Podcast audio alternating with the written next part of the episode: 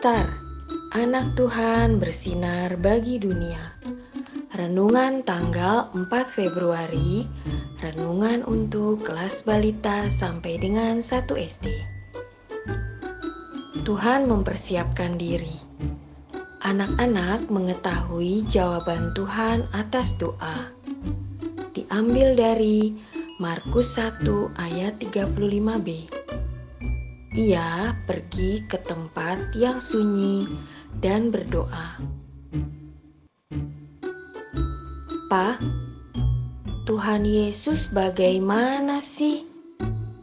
Kata Papa, kita bisa minta apa saja kepada Tuhan Yesus.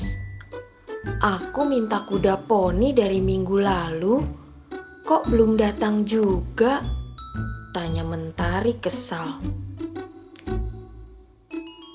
Hahaha, kata Kak Bintang tertawa mendengar ucapan Mentari. Kak Bintang kok malah ngetawain aku sih?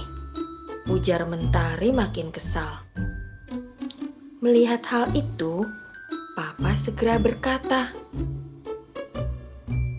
Bintang, kenapa mentertawakan adikmu? Mentari sayang, kita bisa minta apa saja dari Tuhan, tapi Tuhan akan beri yang paling baik buatmu, kata Papa menjelaskan lagi. Memang kita bisa pelihara kuda. Kandang kuda kan besar. Kuda harus berjalan setiap hari selama beberapa jam. Lalu, makanan kuda bagaimana? Kita kan sekolah, Dik, kata Bintang menjelaskan.